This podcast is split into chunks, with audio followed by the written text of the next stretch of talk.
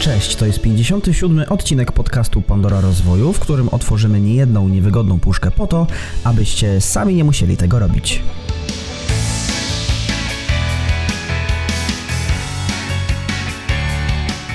W dzisiejszym odcinku porozmawiamy o studiach i ich wpływie na ścieżkę zawodową. Co studiować, po co studiować i czy posiadanie tytułu magistra czyni nas lepszymi?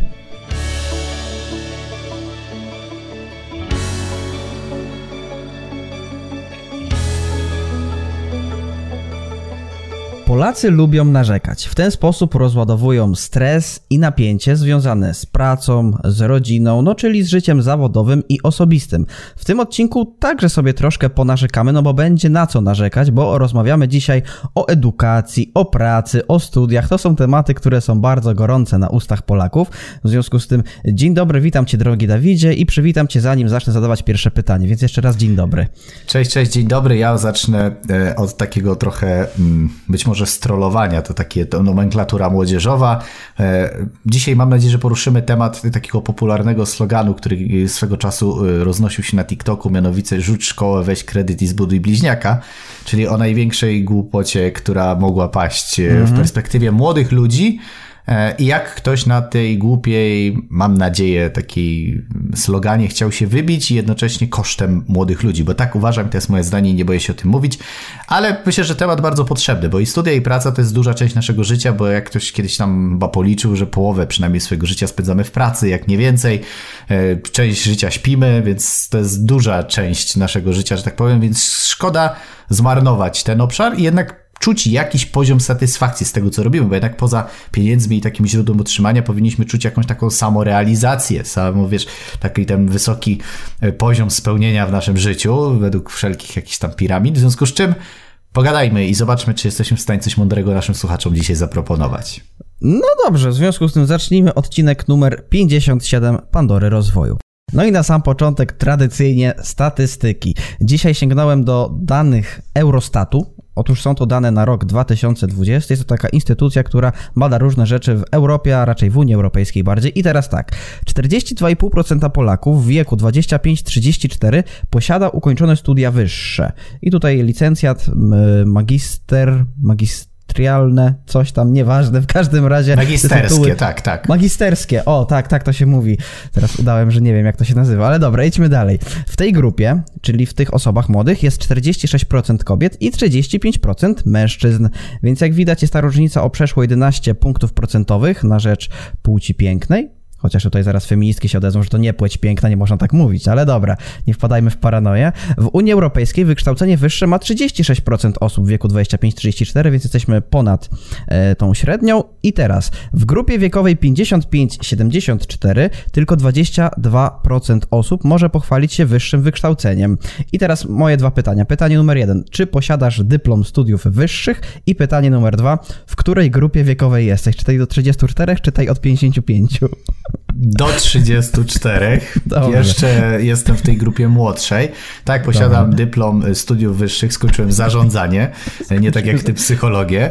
Natomiast e, odnośnie do tych statystyk mam takie wrażenie, że te osoby na przykład starsze, e, Kiedyś te studia były czymś rzeczywiście jakimś wyzwaniem. To nie było takie no proste, tak. nie było mm. to w stanie tak każdy zrobić, a mam wrażenie, że dzisiaj zrobienie licencjata, czy nawet już magistra w zasadzie to jak zapłacisz i po prostu nie będziesz, jak ja to mówię, specjalnie się leniwił, tylko masz jakiś tam, potrafisz dobrze pokombinować, to jesteś w stanie takie studia przechodzić i, i zrobić dowolne studia. Nie, chociaż nie może nie wszystkie, bo na wyższych takich e, państwowych uczelniach, naprawdę takich super, gdzie, gdzie te, wiesz, na przykład takie kierunki jak prawo, medycyna, no to tam jednak jakąś wiedzę trzeba posiadać, żeby ten kierunek skończyć, natomiast jest wiele różnych kierunków, gdzie wystarczy po prostu być. Więc mhm. według mnie y, może to zabrzmi dosyć dziwnie, pomimo tego, że uważam, że edukacja, nawet taka formalna, jest istotna w naszym życiu z różnych względów, o czym możemy sobie później jeszcze porozmawiać. Natomiast nie jest jakimś takim wyznacznikiem tego, czy ktoś jest na bardzo wysokim poziomie rozwoju, jak ja to mówię, w tak mhm. dużym uproszczeniu. No właśnie, i chciałem zapytać o te studia. Co pamiętasz ze studiów w ogóle? Znaczy, wiesz co, najbardziej w ogóle pamiętam studia y, z prawa.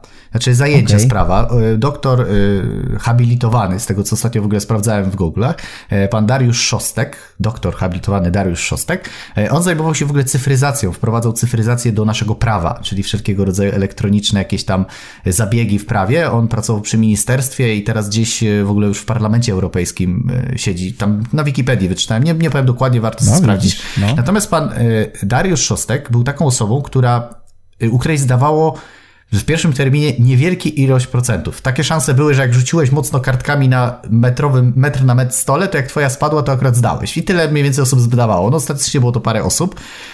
Kodeks na pamięć, wszystko na pamięć yy, i naprawdę przychodziłeś do niego na egzamin, to za trzecim razem jak zdałeś, to czułeś po prostu jakbyś wygrał Nobla. Wiesz, to naprawdę było, było wyzwanie.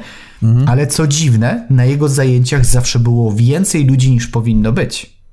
Ludzie przychodzili, A, nawet kiedy nawet kiedy miałeś wolne, tak, żeby posłuchać, bo jego zajęcia mhm. były fenomenalne.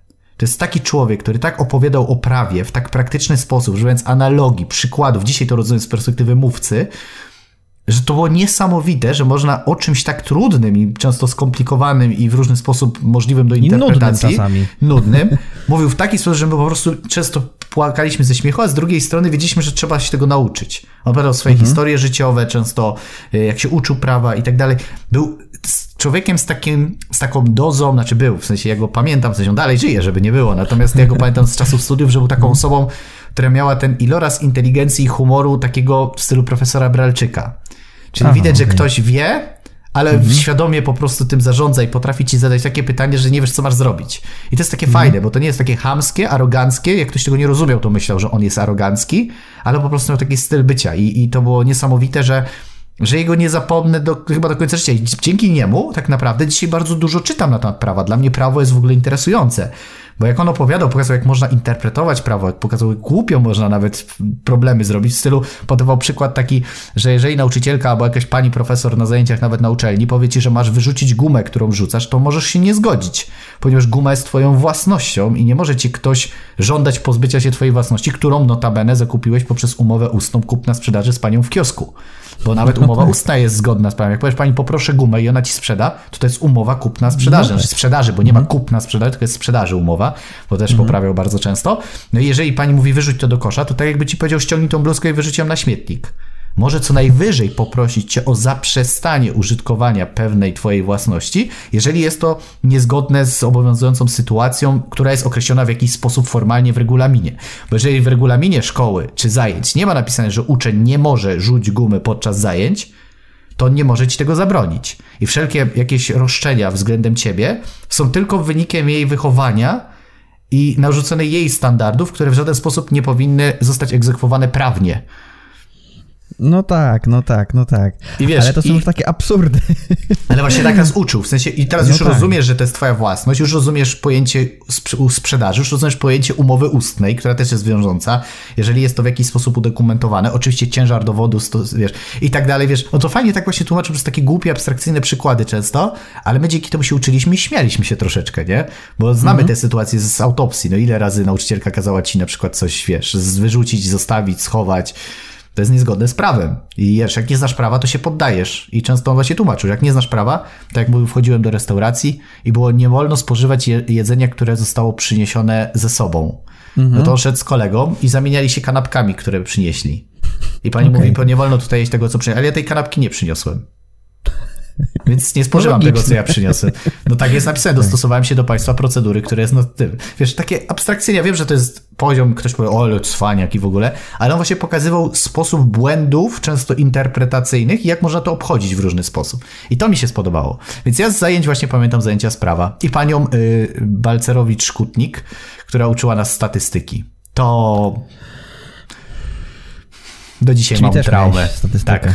Tak, no, statystykę rozumiem. miałem, tak, tak. Rozumiem. Niemiło rozumiem. wspominam. No, to ja były też, najgorzej ja nieprzespane noce, które, które były w moim życiu. Traumy mam do dzisiaj. Ja dalej nie pamiętam statystyki i nie umiem, tak jak umieć powinienem, przynajmniej tak Bo jak preferowałeś pewnie tą zasadę, którą preferuje wielu studentów, zdać, zakuć, zapomnieć. Tak, tak, tak, tak, tak, tak. Ale jakąś magisterkę jakąś obroniłem, więc mam tytuł, ty też masz tytuł i się cieszymy, nieważne co było. Wspomniałeś na początku o wadach i zaletach edukacji e, jakkolwiek, więc chciałbym się skupić na edukacji wyższej, bo mam wrażenie, że tego podcastu słuchają głównie osoby starsze niż 18+. A jak będą nas słuchać młodsze? No to też będą kiedyś na studiach być może. A, Więc być powiedzmy może. im. Dobra, tak, okay. takie przeramowanie. Więc powiedzmy im może o tych zaletach i wadach. E, a propos studiowania, no bo chciałbym potem podciągnąć drugie pytanie, ale to za chwilę, za moment. Generalnie, jeżeli chodzi o szkołę, to wiadomo, jest dużo wad i dużo zalet. Będziemy mogliśmy mówić o szkole podstawowej, o szkole średniej i o studiach. Może zacznę od takich e, pozytywów, bo jest ich mniej. W sensie, dobra, to był taki żart, ale tak całkiem serio, no to e, przede wszystkim ludzie. E, wydaje mi się, że to jest bardzo fajny taki okres, gdzie poznajemy dużo fajnych ludzi z różnych zakresów. E, bo jednak często szkoła średnia czy podstawka jest ograniczona bardzo regionalnie. Mam takie wrażenie, że jednak do liceum się idzie gdzieś blisko domu, do szkoły podstawowej tak samo, więc jesteśmy w jakimś takim wąskim środowisku, a jednak studia często są w innym mieście albo w jakimś większym mieście. Często tak, tak. inni z różnych już, jak ja to mówię, nawet mniejszych miejscowości przyjeżdżają, więc ten e, spektrum jakby zróżnicowanie, jak może to nazwę kulturowego, bo nawet często osoby z zagranicy mogą studiować, jest dużo szerszy i, i ludzie o różnych specjalizacjach, z różnych środowisk i to jest fajnie, że można poznać naprawdę dużo fajnych ludzi. E, bardzo dużo takich wieczorów e, naukowych odbywaliśmy, w których naprawdę wchodziliśmy bardzo głębokie tematy refleksyjno-życiowe, gdzie po prostu kontemplowaliśmy często do białego rana, e, rozmawiając o życiu, o, o biznesie, o przyszłości, o karierze, integrując się jednocześnie więc, więc te, takie wydarzenia też bardzo miło wspominam, chociaż niewiele z nich pamiętam.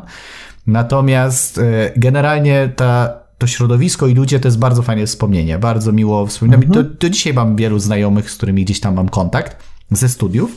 E, druga rzecz to przede wszystkim takie zderzenie się ze światem naukowym. W sensie mam takie wrażenie, że e, jak się idzie na studia, to dopiero doświadczasz, jak dużo jest tej wiedzy takiej, której normalnie w szkole, w tych takim, wiesz, lektury i w ogóle, że tam jest troszeczkę inna wiedza, troszeczkę jakby z innego poziomu. Nie ma takich klasycznych lektur, matematyki i tak dalej, tylko jest dużo takich też przedmiotów, o których w ogóle nawet nie wiedziałeś, że istnieją.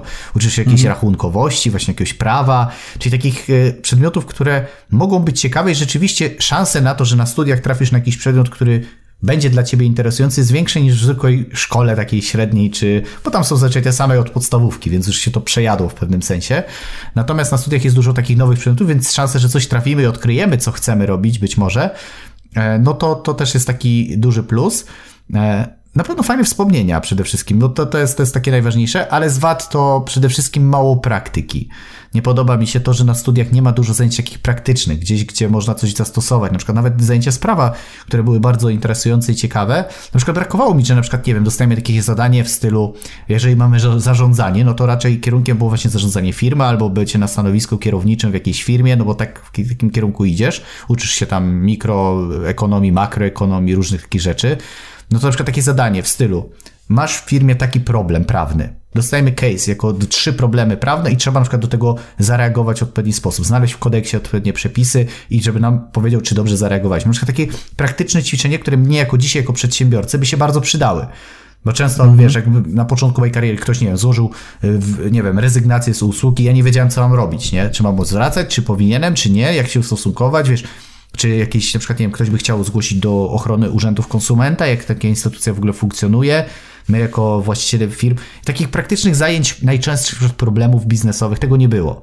Więc takich, od strony takiej praktycznej, no niestety jest tam bardzo duży ból i zresztą ludzie, którzy często uczą tam, czy ekonomii, no, uczą ekonomii z książek, nie? W sensie tego, co jest w teorii, yy, że tak powiem, powiedziane, zapisane i stwierdzone, a często ta teoria nijak ma się do warunków rzeczywistych. Kiedyś nawet mój znajomy, który wtedy specjalizował się już w dopiero raczkującym jakby takim marketingu internetowym i, nawet kłócił się z jakąś tam panią profesor, że, że taki coś jakby zrobił w marketingu internetowym, to to w ogóle nie działa, wręcz klient nie kupi.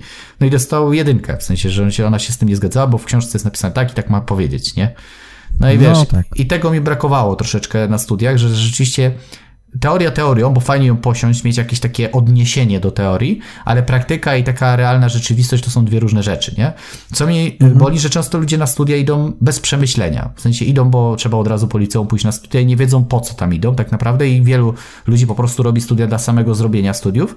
Ja zresztą wybrałem też sam taki kierunek, który był najbardziej uniwersalnym kierunkiem. W sensie wiedziałem, że może mi się coś przydać, bo wiedziałem, że raczej nie będę pracował na etacie, całe życie. Wiedziałem, że chcę pójść raczej już wtedy w swoją firmę, więc stwierdziłem, że zarządzanie może będzie jakieś tam tematy właśnie prawa, jakichś finansów, rachunkowości, jakiejś ekonomii, może coś tam się dowiem, co, co mi się przyda. I rzeczywiście jakieś tam niektóre rzeczy rzeczywiście się przydały, natomiast też mówię, brakowało tego prawnego. No bo jakbym poszedł na jakąś, nie wiem, filozofię czy coś, może by to było ciekawe z różnych aspektów, ale nie wiem, gdzie bym to wykorzystywał w życiu za bardzo. E, więc e, wydaje mi się, że lepiej jest czasami na przykład po, po liceum pójść, tak jak ja mówię, najpierw do pracy na rok, dwa, popracować, zadać sobie parę pytań w życiu, zarobić trochę pieniędzy i potem wybrać kierunek, który macie. Bo dzisiaj, gdybym miał pójść na studia, to no zastanawiałbym się. Zapytać.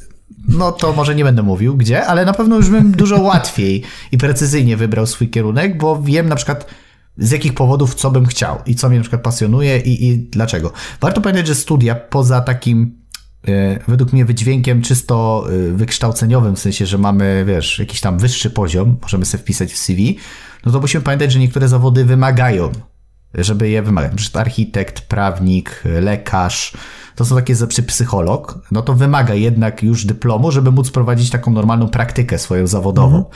Natomiast w przypadku zarządzania nie potrzebujemy mieć studiów z zarządzania, żeby móc zarządzać no ludźmi. Tak, to nie tak. jest jakby wymagane i wiele firm już od tego odchodzi, mam nadzieję, że o tym też powiemy.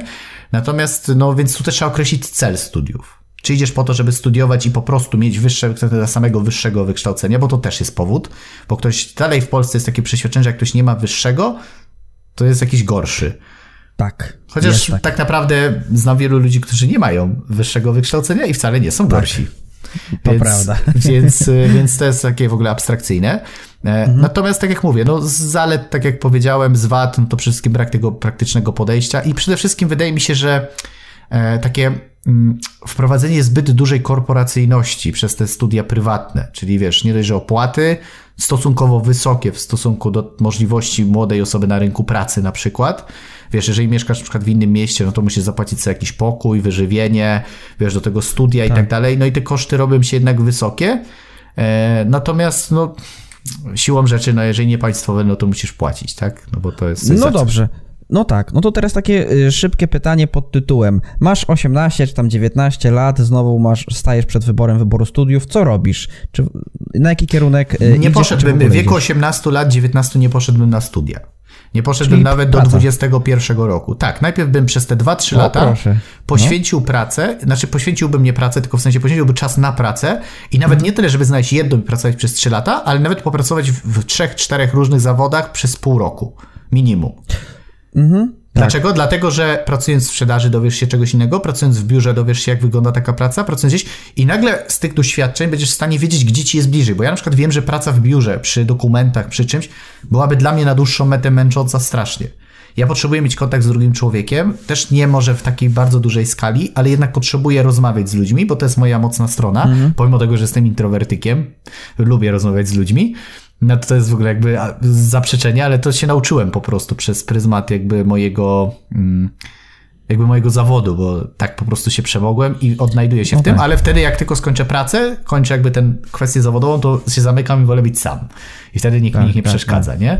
E, więc generalnie jakby uważam, że warto eksplorować, więc mając 18 lat poszedłbym do pracy, zarabiał, odkładał pieniądze, nie przeznaczał od razu na wakacje na coś, tylko po prostu bym sobie odkładał te pieniądze, inwestowałbym troszeczkę może w rozwój, nie od razu w budowanie bliźniaka czy w szkolenia za 10 tysięcy, ale jakieś książki, mądre biografie osób znanych, e, czy, czy jakieś takie mądre, fajne książki psychologiczne, od jakiegoś marketingu być może internetowym, o jakichś social mediach. Uczyłbym się tego, co jest na topie. I potem dopiero, kiedy już zbiorę te doświadczenia trochę z rozwoju osobistego, trochę z wiedzy takiej, jak ja to mówię, E, pracy takiej zawodowej, to wtedy bym podjął na bazie tego, w którym kierunku bardziej chcę iść i wybrał wtedy kierunek studiów, który da mi to, czego potrzebuję. Bo jeżeli mam pracę, którą potrzebuję mieć zawód, no to jasne, że muszę wybrać kierunek, który da mi praktykę, to co mówiliśmy. Ale jeżeli moja, moja kariera nie wymaga wykształcenia, to wybierz takie studia, które mogą być świetnym uzupełnieniem. Jako na przykład zbudowanie marki, czyli na przykład dla mnie dzisiaj, z perspektywy czasu, skończenie studiów psychologicznych Ja nie muszę prowadzić praktyki psychologicznej, ale dla trenerów w branży rozwoju, jeżeli ktoś ma dyplom psychologa, z niewiadomych przyczyn staje się bardziej wiarygodny. Choćby to coś zmieniało, tak? No Powiesz, tak, że no jest psychologiem, w telewizji już cię zaproszą prędzej do telewizji jako eksperta, nawet w zakresie zwykłych rozwojowych fanaberii, ale masz psychologa, tak? Tak. Natomiast jakby to nie zmienia, czy ktoś może mieć wiedzę, bo ja nie mam dyplomu psychologa, a z wieloma psychologami mógłbym porozmawiać i pewnie bym na jeden temat ich zagiął i pokazał im, że nie wiedzą o wielu rzeczach, na przykład, nie? Więc, na pewno. więc, więc jakby tutaj, yy, wiesz, pytanie trzeba sobie właśnie sprawdzić rynek, na co rynek patrzy, czego potrzebujesz i wtedy wybrać ten kierunek studiów. Tak bym zrobił. Tak. Ja w ogóle stanę tutaj w obronie trochę psychologii. Znaczy, może nie w obronie, ale chodzi mi o to, że y, dużo ludzi utożsamia psychologię z tym, że tam na studiach, wiesz, uczymy się jakichś rzeczy o mózgu, o tym, jak rozmawiać z drugim człowiekiem, a tego kompletnie tam nie ma. To jest czysta matma plus filozofia, tam trochę filozofii. Nienawidzę psychologii. No dobra, idźmy dalej. E, co myślisz o takim epatowaniu, e, o takim chwaleniu się tytułami naukowymi w mediach społecznościowych? Czyli ktoś przed swoim imieniem- imieniem i nazwiskiem daje magister, to to kocham, albo doktor, profesor, to już może trochę inaczej, ale co w ogóle sądzisz o tym nurcie? Znaczy, ja uważam, że tytuł doktora, czy profesora, czy doktora habilitowanego warto napisać. W sensie to No już tak. jest taki tytuł. Wydaje mi się, że jednak już zrobienie doktoratu w Polsce to już nie jest tak jak zrobienie licencjatu czy magistra. Jednak doktorat wymaga trochę więcej zaangażowania, bo trzeba naprawdę. Niestety. Trzeba, trzeba Tak. już tam trochę popracować, bo pozdrawiam tutaj mojego znajomego. Yy, hipnoterapeutę Piotra Matyłyka, który właśnie robi doktorat na Polskiej Akademii Nauk, więc słuchałem, jakie ma zajęcia, o czym rozmawiają, jak to wygląda, ile trzeba zrobić zadań, jakichś tam różnych badań i wiesz, i tam naprawdę są wymagania, tym bardziej jak robisz na przykład na Polskiej Akademii Nauk, gdzie raczej poziom jest wysoki, bo to jest jedna z lepszych instytucji badawczych w Polsce, więc y, no jednak tam są duże oczekiwania i tam mam szacunek. Jak ktoś ma już tytuł doktora, to znaczy, że musiał wykonać jakiś kawał pracy, tak? Natomiast magister czy licencjat to jest, wiesz, no no po prostu taki, wiesz, jak ja mówię, już standard. Ma po prostu wyższe lub wyższe, nie? I tyle. E, więc e, czy emanowanie coś zmienia? Według mnie nie. Natomiast y, w marketingu wiadomo, że jak napiszesz, że skończyłeś studia, albo że jesteś ty tu doktorem, to możesz wywierać w jakiś sposób heurystycznie pogląd na swoją osobę jako bardziej wykształconą. My dalej w Polsce mamy taką nomenklaturę, to co powiedziałem wcześniej, że ktoś, kto ma doktorat, magistra, to znaczy, że jest fajniejszy, bardziej inteligentny, co z rzeczywistością często niestety w konfrontacji jest brutalne i niestety nie ma jakby podstaw. Natomiast y, świadome wykorzystywanie w marketingu i podkreślanie tego w odpowiednich momentach dobrze robi, bo jedną z takich osób, która bardzo dobrze to wykorzystuje jest Mateusz Grzesiak na przykład, który też jest y, doktorem i na przykład kiedyś był Mateusz Grzesiak, Mateusz Grzesiak, a teraz wszędzie, na Facebooku, w mediach społecznościowych, wszędzie jest doktor Mateusz Grzesiak. I teraz, wiesz, nieważne z czego masz doktorat, ale samo to, że jest przed nazwiskiem doktorat, buduje ci lepszą markę. I teraz, jeżeli wiesz, że ludzie w Polsce na to zwracają uwagę, a mamy takie środowisko, jakie mamy, to y, no, głupotą by było tego nie pokazać, bo zmarnowałoby sobie potencjał sprzedażowy, który możesz wygenerować dzięki temu, że to masz. I teraz pytanie, czy ktoś robi doktorat po to, żeby być doktorem, bo to jest jego pasją i zawsze chciał zrobić doktorat, czy robisz po to, żeby więcej sprzedawać? Według mnie i jeden i drugi powód jest zasadny. I to my właśnie są dwie wybieramy ten cel, tak. dla którego robimy doktorat. Bo możesz go robić rzeczywiście, bo chcesz być doktorem w jakiejś tam dyscyplinie, dziedzinie naukowej, gdzie chcesz No, jakiś sukces pasjonatem pasjonatem. tak. I to jest fajne, ale możesz to robić tylko dlatego, żeby mieć tytuł doktora, żeby Dla móc lepiej sprzedać. I tyle. I to jest jedno i drugie. I teraz ktoś, kto może powiedzieć, oj, bo to jest niefajne, to jest nieuczciwe. Taki jest świat. No jeżeli tego Mhm. nie rozumiesz, to znaczy, że jeszcze dużo przed tobą. Tak. No tutaj do, doktorat pana Mateusza Grzesiaka to owiany jest wielką, ale to wielką tajemnicą, zwłaszcza pamiętam te e, procesy, protesty na uczelniach, na której bronił doktoratu, ale o tym mówić nie będę, bo dzisiaj się uśmiechamy. Jakby nie cieszymy. zaglądam, nie zaglądam nikomu aż tak bardzo do teczki. Tak jak mówię, każdy robi to z własnym sumieniem, niemniej jednak Tak. e, ma. Zakładam, że ma. Chwali się. Jeżeli było to zrobione jak zrobione, to już to pozostawiam Znaczy, się, ocenie. ja o tym mówię, bo ja byłem studentem i ja pamiętam wtedy, jak u mnie na uczelni, jaki był boom. Wszyscy o tym mówili, wiadomo, głośno. Ja gdzieś tam się przyglądałem temu, bo ja też nie jestem taki, że zaraz e, będę z widłami tam Ja bardzo, ja bardzo jestem, tak jak mówię, y, jestem tą osobą, która, jeżeli w przypadku akurat pana doktora Mateusza Grzesiaka, jestem bardzo po środku. Powiem pana Mateusza, chociaż razem występowaliśmy nawet na, na scenie, więc, więc ty byłeś byłem. Mateusz. Byłem, nie, on występował pierwszy, ja ostatni na konferencji, notabene A. byłem lepiej oceniony przez publiczność, tak się pochwalę już na swoim podcaście. E, Natomiast generalnie jakby y, wiem, jak dużo dziwnych rzeczy robił w swojej karierze, ale też wiem, ile dużo fajnych rzeczy zrobił, bo tak. ja już ci to kiedyś nawet w prywatnej rozmowie mówiłem, że e, doceniam tak, jego tak, tak, kunszt trenersko-spikerski, bo jest na no bardzo tak. wysokim poziomie i rzeczywiście ma dużą wiedzę, natomiast też często zdarzają mu się, tak jak ja to mówię, wpadki. Natomiast mhm. no nie będziemy tutaj rozmawiać o samym Mateuszu, bo myślę, że to. No nie będziemy. Mógłby tak. być podcast na odrębne dwie godziny. Nie? To jest taka dosyć specyficzna tak. postać branży szkoleniowo-rozwojowej. To zrobię tak jak właśnie pan Mateusz. Okej. Okay. I teraz lecimy dalej. Jest taki pewien nurt. Nurt się nazywa tako. Rzuć szkołę, weź kredyt, wybuduj bliźniaka.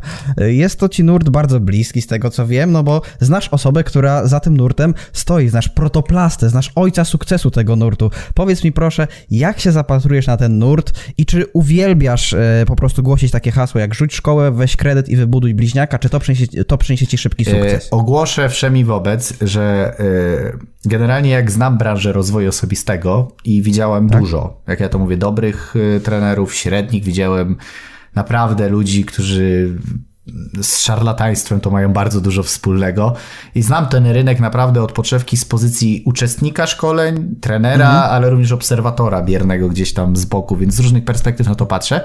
I dla mnie osoba, czyli pan Dawid Piątkowski, który głosił na TikToku ten swego czasu, chociaż to się obrzydło do pewnego momentu już tak, że ludzie już nie mogli tego słuchać, że jest mhm. największym absurdem branży rozwoju osobistego w Polsce.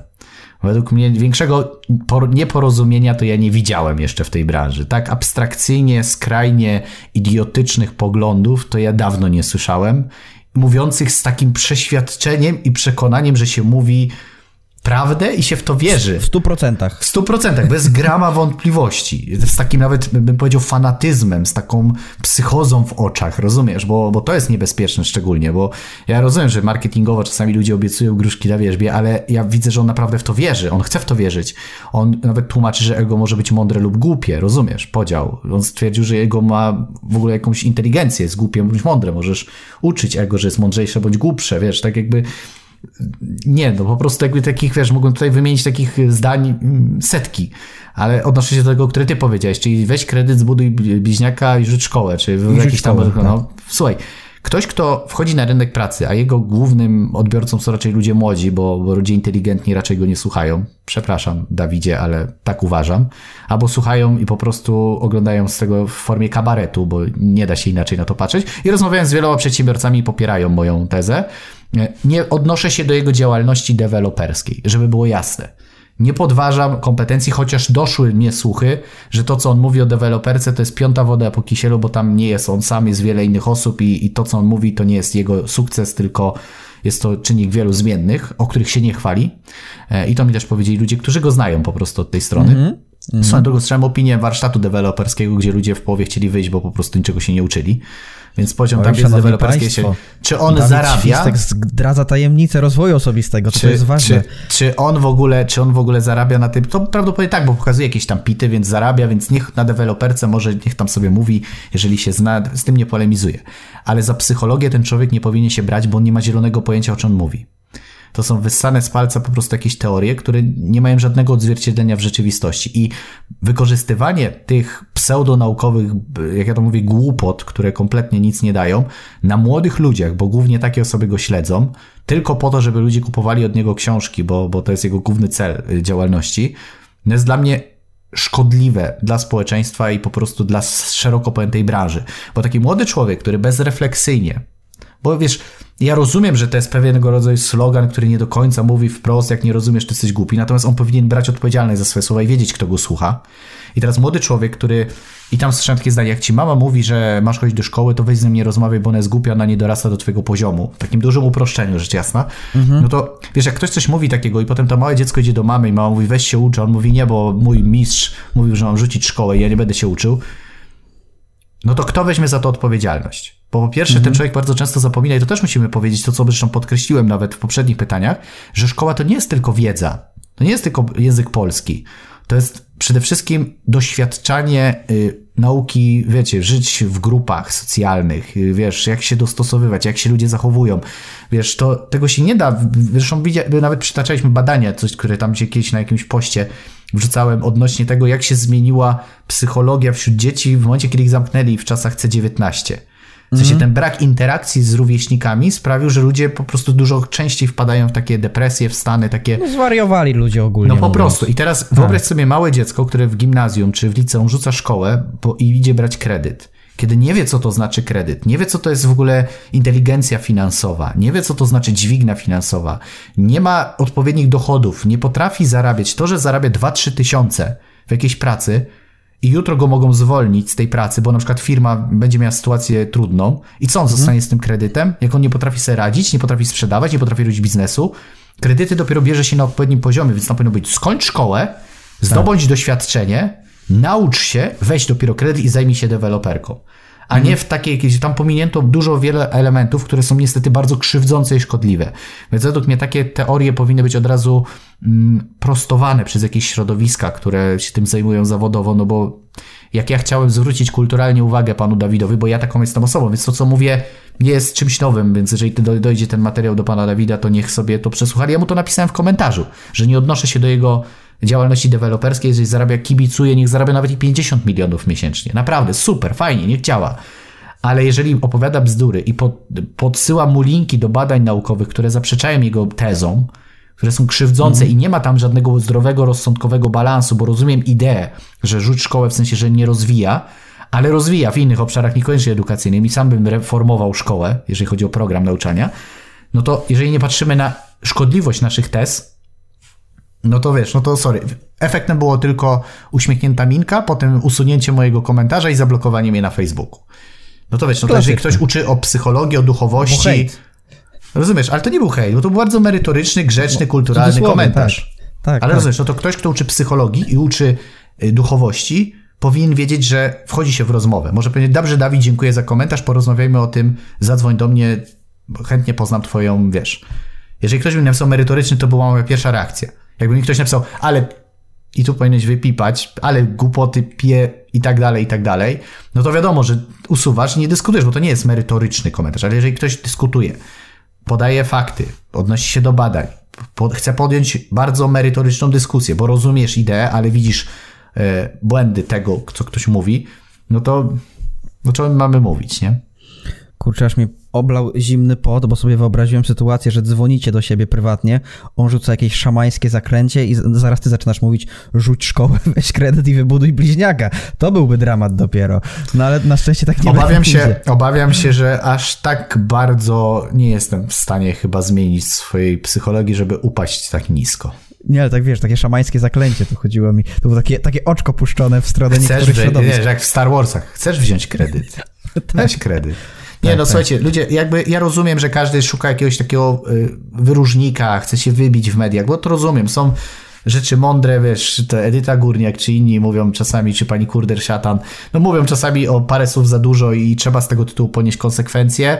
Y, natomiast, wiesz, no kurczę, o tyle, że tam pani Kurde i Szatan sobie użyje paru wulgaryzmów i sobie pokrzyczy, w sumie to nikomu nic nie zaszkodzi poza jej wizerunkiem, tak? Ale kiedy namawiasz i to psychopatycznie młodych ludzi, żeby rzucali szkołę i brali kredyty, no to według mnie to już jest szkodliwe, nie tylko względem jego wizerunku, mhm. ale przede wszystkim tych ludzi, którzy chcą się do tego zastosować. I ja nie mówię, że nikt, słuchając go, nigdzie nic nie odniesie sukcesu, bo jak ktoś jest rozsądny i weźmie to, przeanalizuje i wiesz, i dopowie sobie, bo już ma doświadczenia biznesowo życiowe, coś może osiągnąć, bo ja nie mówię, że zawsze wszystko jest złe.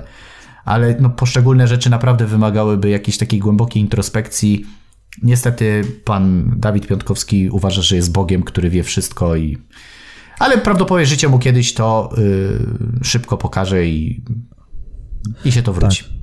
Ja też nie chcę, żeby ten podcast zmieniał się właśnie w tą sferę rozwoju osobistego, natomiast gdzieś tak mi teraz z tyłu głowy uderzyło, uderzyła taka myśl pod tytułem, e, że głoszenie tego typu tez jest strasznie niebezpieczne, tak samo jak na przykład czytanie autobiografii lub biografii osób znanych, osób sukcesu, no bo każdy przypadek jest indywidualny i o tym się za mało mówi, mam wrażenie, w tym świecie rozwoju osobistego, a nie, że przeczytam książkę Phila Knighta, jak Nike założył, albo Steve'a Jobsa od Apple'a i ja już wiem wszystko i osiągnę sukces. No to jest totalna abstrakcja. Słuchaj, wiele, wiele takich zdań, no przecież jest... Y, powielanych i wybioranych jako złoto. Wiesz, ja bardzo często mówię, że jeżeli chcesz się ode mnie uczyć, to bierz i sprawdzaj, bo ja często mówię, że pewne rzeczy mogą u Ciebie w ogóle nie działać. Nawet mhm. teraz mam konsultację z klientem, uczę go, jak ma dobrze występować i on mówi, że chciałby więcej humoru, to ja mówię, najpierw Ty nagraj tak, jak Ty czujesz żarty i ja na bazie tego, co będę widział, w którym kierunku Tobie idą żarty, pomogę ci je powiedzieć fajniej, żeby ten żart fajnie działał na publiczność, aniżeli ja ci powiem, jakie ja bym żarty powiedział, bo to, co ja powiem, a to, co ty byś powiedział, to są dwie różne rzeczy. Wiesz, jakby sposób y, nawet mówienia jest zupełnie odmienny od A widzisz, czyli to ty stoisz za sukcesem Rafała Paczeja ze, Baczesia ze stand-upu. I Lotka to... i wszystkich, wiesz. Aha, to ty. Ja to jestem, wiesz, ja to po prostu codziennie, wiesz, szkole. Oczywiście to jest żart, nie? Bo zaraz nam powiedzą, nieprawda, on okłamuje ludzi. Nie, nie szkoliłem ich nigdy, nie, to, to jest dobrze, taki żarcik. Dobrze. No nigdy nie wiadomo, nigdy nie wiadomo, ale to dobre. Ostatnio w ogóle, taki off-topic, spotkałem krewnego Lotkowskiego, e, pana Łukasza Lotkowskiego na Sorze we Wrocławiu, ale o tym mówić nie będziemy. A stand-up był jakiś, czy nie? Nie, znaczy no trochę się pośmialiśmy, ale nie, nie mogę o tym mówić, bo to taka prywatna sytuacja, okay. więc może nieważne, ale dobra. Okay. A, ale no, śmiesznie było przynajmniej. No dobra, obracasz się w Znaczy środowisku... wiesz, jeżeli miałeś problemy gastryczne, to to nie jest jakiś problem do wstydu, nie? Ale dobra, zadawaj pytanie, tak? Obracasz się w środowisku przedsiębiorców bardziej niż ja zdecydowanie. Jeździsz na różne zloty, na różne kluby, na różne spotkania i tak dalej. No i teraz, e, czy to jest tak, znaczy to jest pytanie może retoryczne, ale czy to jest tak, że przychodzisz na takie spotkanie, jesteś sobie, każdy jest w marynareczce, panie są w sukniach e, bankietowych, no i każdy zadaje pytanie na początku, jakie masz wykształcenie? Czy jeśli masz dobrą firmę, no to czy masz tytuł magistra właśnie z tego, co ty robisz i czy to ci się przydało w życiu? E, tak, na wszystkich spotkaniach jest tak zwana przepustka e, studyjna, tak. w sensie, że mhm. masz e, albo jesteś na czerwono, albo na zielono. Jak nie masz studiów, to jesteś na czerwono i zawsze siadasz na końcu stołu i nikt z tobą nie rozmawia, jesteś dopiero jako ostatni. Tak samo dostajesz o porcję, na przykład jakieś śniadanie biznesowe, dostajesz porcję mniej za to, że nie masz studiów, a ci ze studiami dostają więcej. Mhm, mhm, dobrze. No dobra, teraz całkiem poważnie, nie.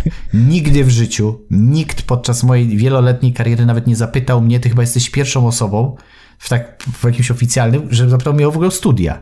Gdzie ja Właśnie studiowałem, o to chciałem, tak, tak. Mhm. Nikt w ogóle mnie o to nie pyta. To w ogóle nie jest w ogóle istotne w branży y, biznesowej, z tego względu, że no. wiadomo, że jak jesteś prawnikiem i jednak chciałbyś polecić komuś swoją no sprawę no tak, firmową, tak, tak. to jednak sprawdzić, czy ta osoba ma możliwość wykonywania zawodu, czy jak ktoś jest lekarzem, czy jest chirurgiem, czy nie jest chirurgiem. No to jest raczej, e, tak jak powiedziałem, przy tych praktykach zawodowych bardzo istotne. Natomiast w przypadku innych działalności, gdzie po prostu tworzysz jakiś zakład produkcyjny i tak dalej, albo nawet, nawet nie musisz być prawnikiem, możesz założyć firmę i zatrudnić prawników, którzy będąc prawnikami będą świadczyć ci usługi prawne, a jeżeli potrafisz z nimi, a jeżeli potrafisz z nimi świetnie zarządzać, ich ogarniać i podzielać fajnie na sekcji i delegować, wszystko zautomatyzować, nawet będzie lepiej niż jakbyś sam to robił, nie? No więc, y, więc uważam, że w tych środowiskach nikt nie patrzy na wykształcenie. Wiadomo, że jak masz jakiś tam pro... publicznych? Nikt o to nie, nie pyta. takiego pytania? Aha, okay, nie, nie. Okay. na samym początku, na początku kariery pytali raczej, czy jako trener, czy mam jakieś przygotowanie, żeby trenować ludzi, w sensie, czy się uczyłem, no jak no uczyć. -hmm.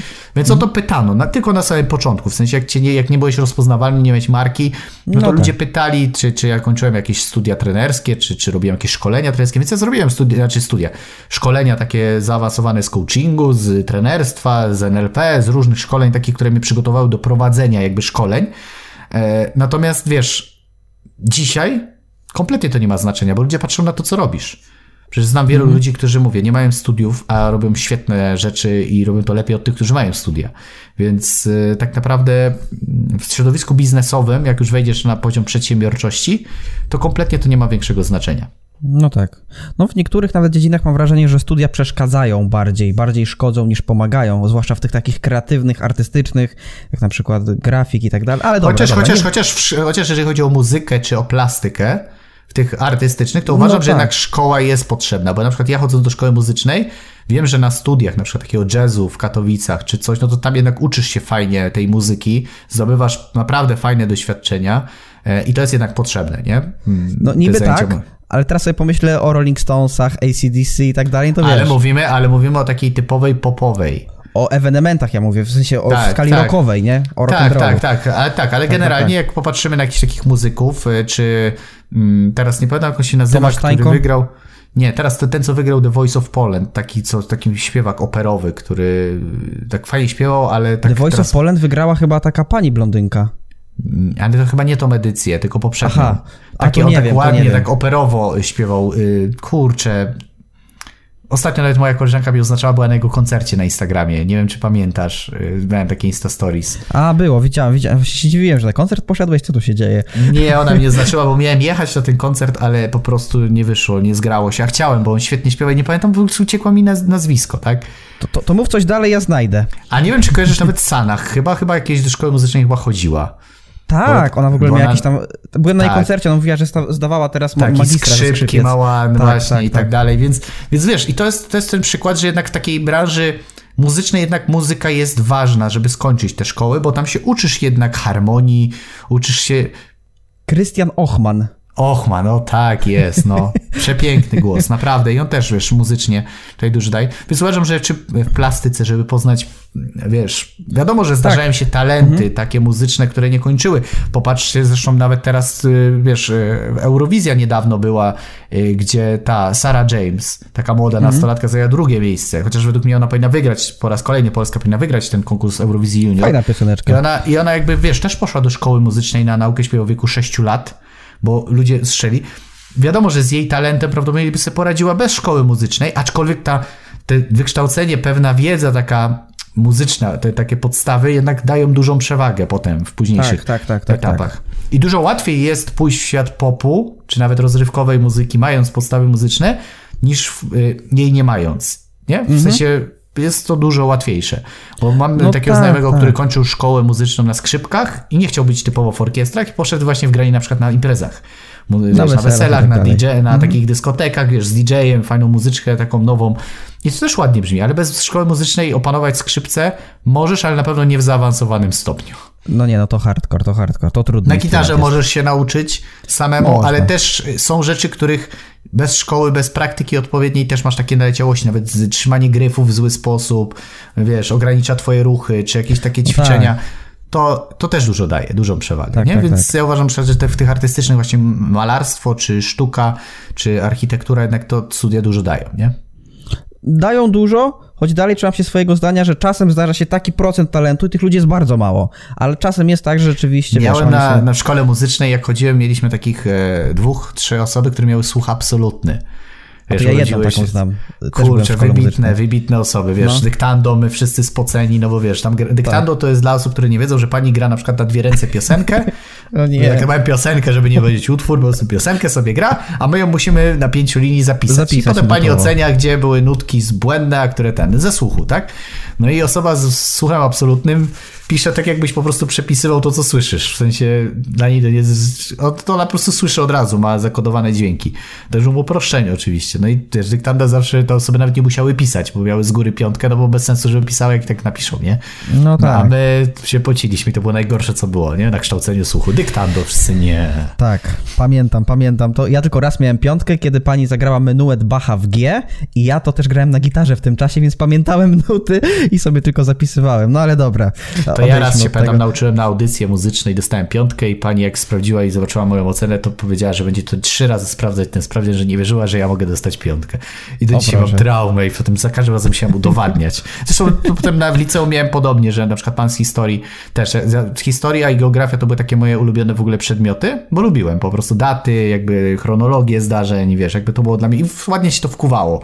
Mam dobrą pamięć, więc i wiesz, przychodziłem na przykład na zajęcia, miałem taką obecność 50 na 50, balansowałem, zawsze było 51%, żebym miał zaliczony przedmiot, a jak przychodziłem na stronę, to zawsze piątkę. I zawsze było tak, że jak siadałem, to najpierw mnie przesadzał, potem kazał mi podskakiwać, potem jeszcze sprawdzał moją kartkę, sprawdzał mnie z każdej możliwej strony, że to jest niemożliwe, że ja wiem. No on nie potrafił w to uwierzyć. Ja mówię, ale panie profesorze, bo ja się tak zawsze zwracałem, bo w szkole muzycznej zawsze mówiliśmy panie profesorze do nauczycieli. Tak było. I potem poszedłem do liceum i też było panie profesorze, wszyscy, to jest proszę pani. A ja mówię, panie profesorze, bo ja byłem tak nauczony do nauczyciela, nie? Psorze, I generalnie, tak. tak, panie profesorze. I wiesz, i generalnie było tak, że zawsze mnie pytał i mówi, ale ja naprawdę wkuwam. Ja wiem, że nie chodzę, ale ja przed sprawdzianem po prostu wykuwam i piszę. Ja mam dobrą pamięć. Mówi, nie, ty coś na pewno kombinujesz, ja kiedyś cię przyłapię. I zawsze, wiesz, było takie...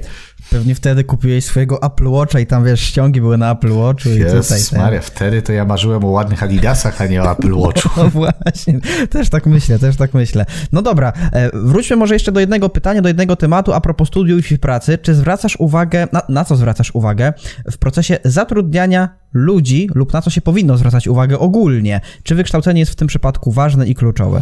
Kompletnie nie zwracam uwagi na wykształcenie, natomiast dla mnie są umiejętności praktyczne ważne. Jak ciebie zatrudniałem, to zresztą wiesz, że ja nawet nie, nie sprawdzałem, czy ty masz jakieś dyplomy, czy nie, tylko powiedziałem, pokaż mi, jakie robisz grafiki, czy, czy umiesz zrobić stronę, zrobiłeś i pracujesz i, i w ogóle nigdy tego nie weryfikowałem. W żaden sposób nie potrzebowałem dowodu. Nawet powiedziałeś, że, że skończyłeś tam tą psychologię, bo to akurat mówię, dobra, to poszukaj mi jakichś tam badań czasami, nie? Takie wiesz, no to to jedyne było jakby istotne dla mnie, ale tak naprawdę kompletnie dla mnie to nie ma znaczenia, czy ty masz wyższe wykształcenie, czy masz doktorat, czy go nie masz. No bo co to zmienia? Jeżeli potrafisz swoimi, jak ja to mówię, łapkami coś zrobić, wyklikać, no to po co, co, co ten papier zmieni? No nic nie zmieni. Mhm. Więc, więc według mnie y, zatrudniając ludzi przede wszystkim powinniśmy patrzeć na ten aspekt praktyczności. Gdzieś widziałem takie statystyki, szczególnie już w Stanach Zjednoczonych, że wielkie korporacje bardzo patrzą nacisk nie na wykształcenie, ale mhm. na y, jakby umiejętności praktyczne, bo one są dużo cenniejsze, bo dużo szybciej jesteś w stanie kogoś nauczyć teorii, niż nauczyć go praktyki, no nie?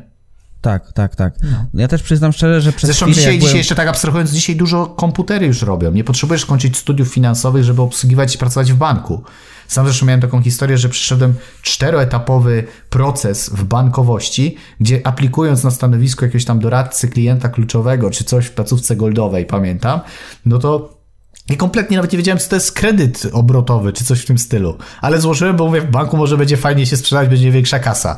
I pamiętam, że przyszedłem te, i wiesz, na rozmowie się uczyłem tych pojęć, wcześniej ze strony, tam coś tam. Doszedłem do samego końca i pokonałem w boju ludzie, którzy mieli studia finansowe pokończone, a ja wtedy jeszcze nawet studiów nie miałem skończonych, ale potrafiłem sprzedawać, potrafiłem dobrze dyskutować, poznałem pewne pojęcia i oni woleli mnie wziąć, bo i tak systemy ci wszystko wyliczą. Ty masz po prostu no znaleźć, tak. wpisujesz, wiesz, w tabelki i system ci oblicza. Wiadomo, że to może cię w niektórych aspektach wspierać wiedza, ale tego jesteś w stanie się nauczyć, jak już wiesz, jak się uczysz. Jak pracowałem w telekomunikacji, też się nie znałem na urządzeniach, na karcie SIM, na jakichś, wiesz, procesach nadajnikach, y, co to LTE, 3G, jakieś, wiesz, nigdy nie wiedziałem, co to jest, a pracując w telekomunikacji się tego wszystkiego nauczyłem. Ważna jest komunikatywność okay. i umiejętności sprzedaży. I to jest najważniejsze, wydaje mi się, żeby się tego nauczyć. A ludzie myślą, że robią studia i potem dziwią się, że nie dostają pracy takiej, którą uważają, że zasługują. Praktyka, tak, moi tak. drodzy. No, tak, tak. Dla mnie na przykład zaskoczeniem było to, jak było e, rekrutacja na studiach. Mieliśmy takie zadania z rekrutacji i, i zatrudniani byli informatycy w wieku lat 17, zarabiający kilkanaście tysięcy, bo potrafili zrobić kod, który był budzikiem. I dla mnie to był szok, że oni zarabiają tyle, a ja tutaj studiuję 5 lat i będę zarabiał 3 tysiące. Dlatego ludzie, którzy tego nie rozumieją, nie idą z duchem czasu, będą wiecznie narzekać. Więc musisz, jak ja to mówię bardzo często, poznaj zasady gry. Jeżeli chcesz stworzyć swoją grę, to musisz stworzyć swój świat. Proste. Albo wdrapać tak. się na szczyt i wtedy zmienić zasady, które panują. No właśnie o to chciałem zapytać, ale widzę, że czas nas nagle już o to nie zapytam. Jeszcze miałem certyfikaty na liście i te szkolenia, które ludzie robią tylko po to, żeby wpisać do CV, ale też o to nie zapytam. O podwyżkę jeszcze miałem zapytać i też nie zapytam. No trudno, patrzcie ile tematów w kolejnych odcinkach. Zawsze możecie zadać to pytanie w mailu. A teraz myślę, a że wtedy będzie. A wtedy będzie odpowiedź. Możecie, wiesz. Tak. No i a propos maila, przechodząc zgrabnie do kolejnej części programu Pandora Rozwoju, czy mamy maila? Mamy mail zatytułowany od pana Adama Skok ze spadochronem, więc czytam. Cześć, trafiłem na jeden z waszych odcinków dotyczących skoku ze spadochronem. Obejrzałem go i postanowiłem, że też skoczę. Dawid, powiedz, jak się przygotować do skoku, czytać te wszystkie blogi i artykuły, czy dać sobie spokój i iść tam nieświadomym. Im bliżej skoku, tym bardziej się boję, ale to chyba normalne. Daj mi proszę jakieś rady, żeby uspokoić głowę. Wydaje mi się, że najlepiej porozmawiać z osobą, z którą będziesz skakał, czyli z instruktorem. Bo wiesz, w internecie każdy mówi o swoich własnych doświadczeniach, i wiele rzeczy może być mylących. Ja, wiesz, e, oglądałem te filmiki, ale w żaden sposób nie odzwierciedlają tego, jak już masz skoczyć. Wiecie, zupełnie to inaczej wygląda z tej pierwszej perspektywy niż z pozycji obserwatora i filmiki w żaden sposób nie oddają tego, co czujesz u góry, szczególnie jak już lecisz tym samolotem, czujesz ten odgłos silnika, bo to nie jest tak jak w Boeingu, że siedzisz sobie wygodnie, tylko siedzisz na małym taborecie takim, wiesz, takim jak na, wiesz, na, na rybkach, wszystko się trzęsie, jest zimno, ciśnienie i nagle się otwiera, wiesz, ta rampa na przykład z tyłu, bo ja tak skakałem i nagle widzisz chmury i widzisz tą przestrzeń i tam trzeba się w to rzucić, nie? To Czyli nie ma lęku jest... wysokości. Nie ma lęku wysokości, bo nie ma punktu odniesienia. Nie ma punktu odniesienia, no tak. Mózg nie wie, co się dzieje, w sensie on nie jest w stanie się tego bać. Bardziej jesteś, to jest nawet nie, pod, nie strach, tylko adrenalina, w sensie taka wiesz, taka jak w sytuacjach takich naprawdę nadzwyczajnych, gdzie, gdzie po prostu, wiesz, to, to nie jest lęk, to nie jest taki paraliżujący strach, to jest takie bardzo podniecenie, takie, wiesz.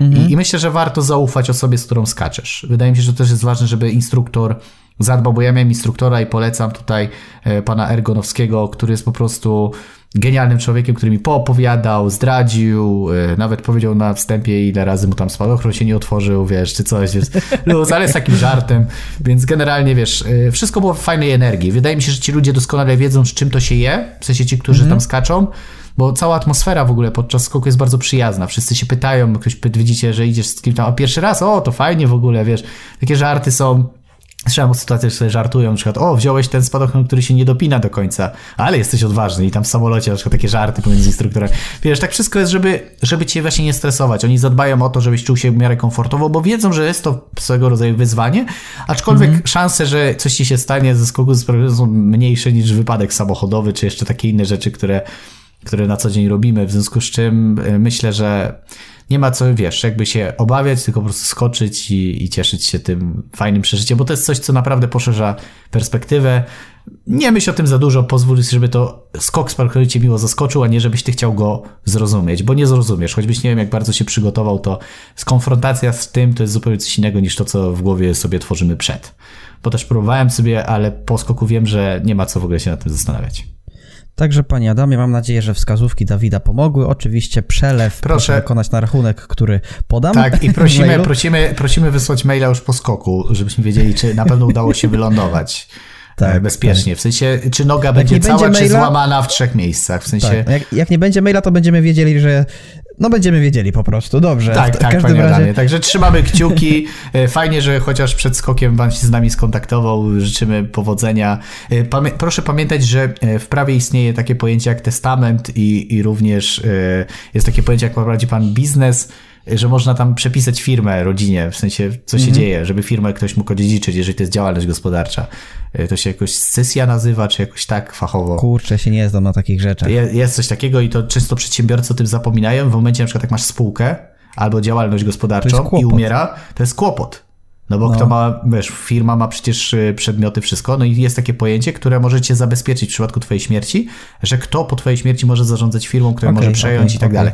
Więc y, dla przedsiębiorców, tak by the way, a propos kariery i ten, pamiętajcie o tym, żeby mieć dobrego prawnika, który też was zabezpieczy od takich rzeczy nieprzewidywalnych, bo nigdy nie wiesz, co się może tak. wydarzyć. Wiesz, nie czekajcie tym bardziej, jak masz firmę. Tym bardziej jak masz firmę i ona dobrze prosperuje, żeby nie było problemu, że państwo sobie coś zagarnie, to lepiej jednak, jednak warto zadbać, tak. żeby to było sformalizowane, bo, bo jednak to jest istotne. No dobrze, dobrze. W takim razie, jeśli ktoś jest zainteresowany, to można śmiało wysyłać maile na adres pandora rozwoju małpa dawidswistek.com. Zapraszamy także do słuchania tego podcastu na różnych platformach streamingowych Spotify, Apple Podcast, Google Podcast, link do wszystkich na stronie anchor.fm łamane przez Pandora Rozwoju, a także zapraszamy do grupy na Facebooku Pandora Rozwoju, społeczność słuchaczy. Cieszymy się, że jesteśmy w waszych domach i w waszych uszach i na koniec oczywiście jakieś podsumowanie standardowe standardowo a propos odcinka o studiach i o pracy. E, w mojej ocenie generalnie musimy pamiętać o tym, że praca i kariera i nasze wykształcenie nie ma być czymś nieprzyjemnym, jakimś obowiązkiem, który trzeba odhaczyć, ale przede wszystkim zadbać, żeby to było coś fajnego, jakaś przygoda, która sprawi, że będziemy ciekawszymi ludźmi dla innych, ale przede wszystkim dla siebie. Ja uważam, że praca zawodowa powinna sprawiać nam e, nawet nie tyle utrzymanie, co przede wszystkim pokazywać nam, na co nas stać. Bo fajnie jest w życiu przekraczać swoje bariery, iść więcej, czuć takie spełnienie, że zrobiłem coś fajnego w życiu. Niekoniecznie zarobiłem i wybudowałem dom e, i z bliźniaka wziąłem kredyt, ale rzeczywiście to, co robię zawodowo, jest czymś takim głębokim, że potem mając, nie wiem, 80 lat czy ileś, tak sobie pomyślisz, mhm. kurczę, fajne rzeczy zrobiłem, nie?